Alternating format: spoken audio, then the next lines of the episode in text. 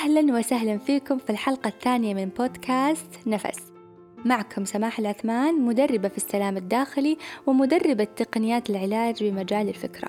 في حلقتنا اليوم راح نتكلم عن البلوكات الداخلية. البلوكات اللي إحنا نضعها على أنفسنا ونمنع أنفسنا من إن إحنا نحقق أهدافنا ونوصل للشيء اللي نبيه. راح نواجه هذه البلوكات بنفس عميق. قبل أربع شهور أخذت عندي عميلة استشارة بخصوص هدف حابة توصل له ولكن في كل مرة تفشل وبدأنا نتكلم يعني عن الموضوع وقالت لي مشكلتي أني أنا حابة أفتح مشروع خياطة في بيتي عندي الأدوات وعندي كل شيء ولكن مو قادرة فقلت لها ليش؟ قالت أستحي تستحين؟ كيف تستحين؟ قالت إيش بيقولون عني خياطة؟ أشتغل من بيتي أكيد محتاجة قلت لها لحظة لحظة لحظة. تشتغلين من بيتك يعني محتاجة؟ قالت إيه كذا الناس تفكر تشوف إن أي أحد يبغى يبدأ مشروع من بيته يقولون آه أكيد هذا محتاج وأكيد فتح له مشروع عشان يزيد دخله. واو. الحين الانتربرنور أو رائد الأعمال اللي يبدأ من الصفر صار شخص محتاج. طيب سؤالي لها كان مين باعك هالفكرة أن اللي يشتغل من بيته محتاج؟ وين سامعة هالكلام؟ قالت بصراحة المجتمع دايما ينتقدون اللي يفتحون مشاريع من بيوتهم. يعني تقصد المجتمع اللي حوالينها. وهنا كان ال block يا جماعة. البنت مو بس عندها خوف من إنها تبدأ المشروع. البنت تشعر بالعار من هذا المشروع. والسبب إن مجتمعها دائما ينتقدون هذا المبدأ اللي هو إن شخص يفتح business من بيته. طبعا اشتغلنا مع بعض على هذه المشاعر في الجلسة وساعدتها أنها توصل لجذر هذه المشكلة ومن وين هالشعور نابع عندها ومتى أول مرة بدأ؟ من بعد ما سمعنا هذه القصة خليني أشاركك أهم ثلاث بلوكات داخلية تمنعك من الوصول لهدفك. هذه البلوكات هي من أكثر المعيقات اللي أشوفها من خلال الاستشارات معي. ال block الأول. هو صورتك الذاتية عن نفسك يعني كيف تشوف نفسك. كيف تتكلم عنها؟ هل تشوف نفسك شخص فاشل آه، غير منجز ما يؤمن بنفسه غير قادر؟ طبعا هالشي تقدر تعرفه من خلال حديثك لنفسك لما تكون لوحدك أو لما تفكر بهدف جديد. إيش الصوت الداخلي اللي يرد عليك؟ الأغلب عنده تشكيك وخوف من البدايات وهذا طبيعي. ولكن هنا نتكلم عن الشخص اللي يشوف نفسه غير قادر حتى على أنه يبدأ في أي شيء جديد. الصورة الذاتية لما نبغى نتكلم عن مصدرها وكيف تتكون المصدر الأول هو من النشأة. كيف نشأ الشخص؟ طريقة التربية. وإيش كان ينقال له وهو صغير؟ هل كان ينقال له يا غبي ما تفهم أنت ما تعرف تسوي شيء أنت مو فالح في ولا شيء أو كان يسمع كلام أنت شاطر معليش أخطأت ولكن تقدر يلا حاول يا بطل. يعني على الأقل في شوية تحفيز وما في دائما تكسير مجاديف على قولتهم. اللي يصير أن هذه الكلمات تتخزن في عقلنا الباطن ابتداء من عمر سنتين إلى سبع سنوات. وإحنا نجمع أفكار ونخزنها تخيلوا؟ ولما نكبر تظهر هذه الأفكار وكأنها هي السيستم المحرك لك كأنك حاط برنامج وهذا البرنامج قاعد يشتغل. المصدر الثاني للصورة الذاتية هي التجارب الشخصية والمواقف اللي مر فيها وخلته يكتسب صورة عن نفسه. مثل إنه مثلا بدأ في مشروع وبعدين واجهته مصاعب وتخلى عنها. من هالتجربة يبدأ يكون صورة عن نفسه أن أنا شخص فاشل لا لا لا ما أقدر أقوم بولا شيء آه، ما أقدر أسوي ولا شيء آه، صعب أصلا أني أنا أبدأ أي مشروع ويحط بلوكات لنفسه بسبب تجربة سابقة حصلت له. خليني أقول لكم على سر. معظم الأشخاص اللي تكون صورتهم الذاتية عن أنفسهم سلبية ما يعرفون وهم أصلا غير مدركين لذلك. ولكن إذا سألت ليش ما تسوي كذا أو تبدأ بكذا أو تعمل كذا يبدأ يسقط الأعذار على الظروف الخارجية. مثل الأهل والله ما يدعمون المجتمع صعب الحكومة ما في تسهيلات ما في رأس مال ما في يعني يطلع لك كل العلل الخارجية بس عشان يتعذر انه هو ما يقدر. ولكن في الواقع المشكلة تكمن فيه وفي صورته الداخلية عن نفسه. راح نتكلم أكثر عن هذا الموضوع في حلقة مخصصة هذا الموسم ولكن هذا سر بسيط حبيت أني أشارككم إياه. البلوك الثاني. طيب نرجع الآن للسبب الثاني أو ال block الثاني وهو الأفكار والمعتقدات عن الهدف مثل القصة اللي ذكرناها في البداية البنت حابة أنها تبدأ مشروعها ولكن تشعر بالعار منه طيب ليش؟ لأن عندها فكرة أن اللي يشتغل من البيت محتاج محتاج إيش؟ محتاج فلوس okay وإيش فيها إذا محتاج فلوس؟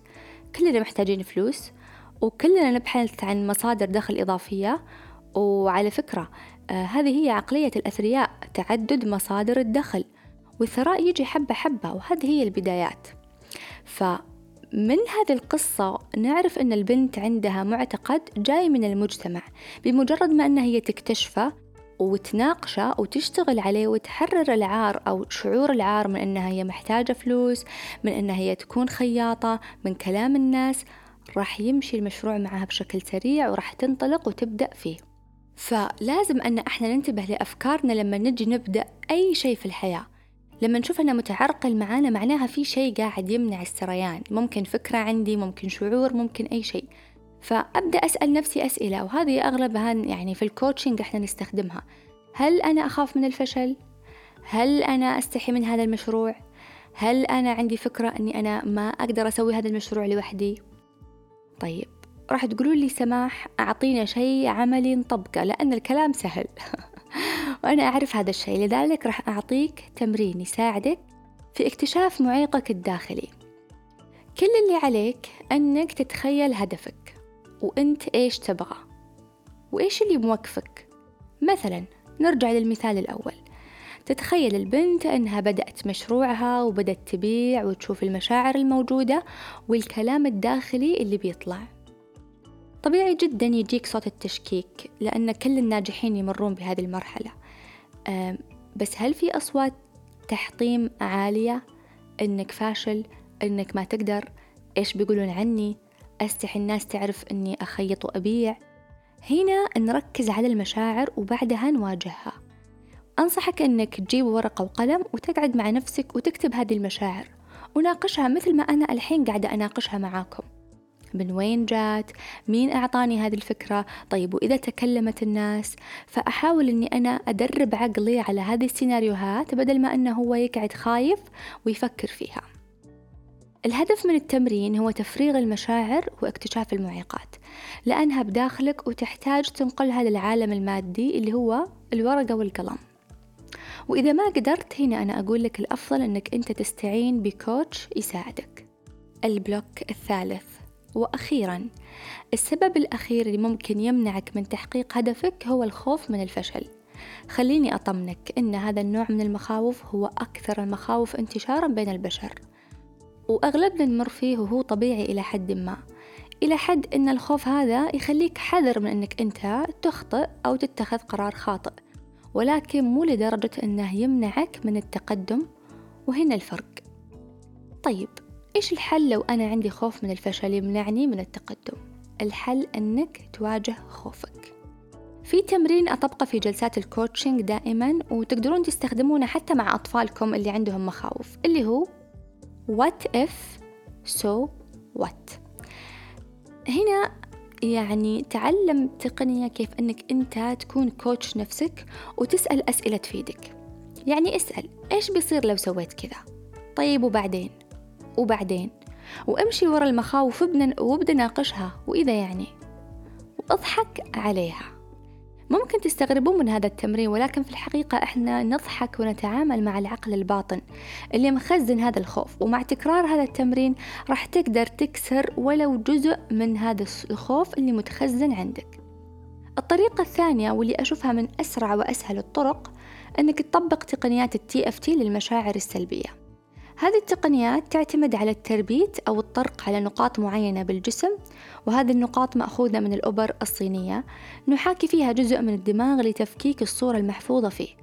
طبعا التقنية جدا فعالة وأنا دائما أستخدمها لعملائي والحمد لله كثير تخلصوا من الخوف من الفشل الخوف من الموت الخوف من ركوب الطيارة وغيرها من المخاوف.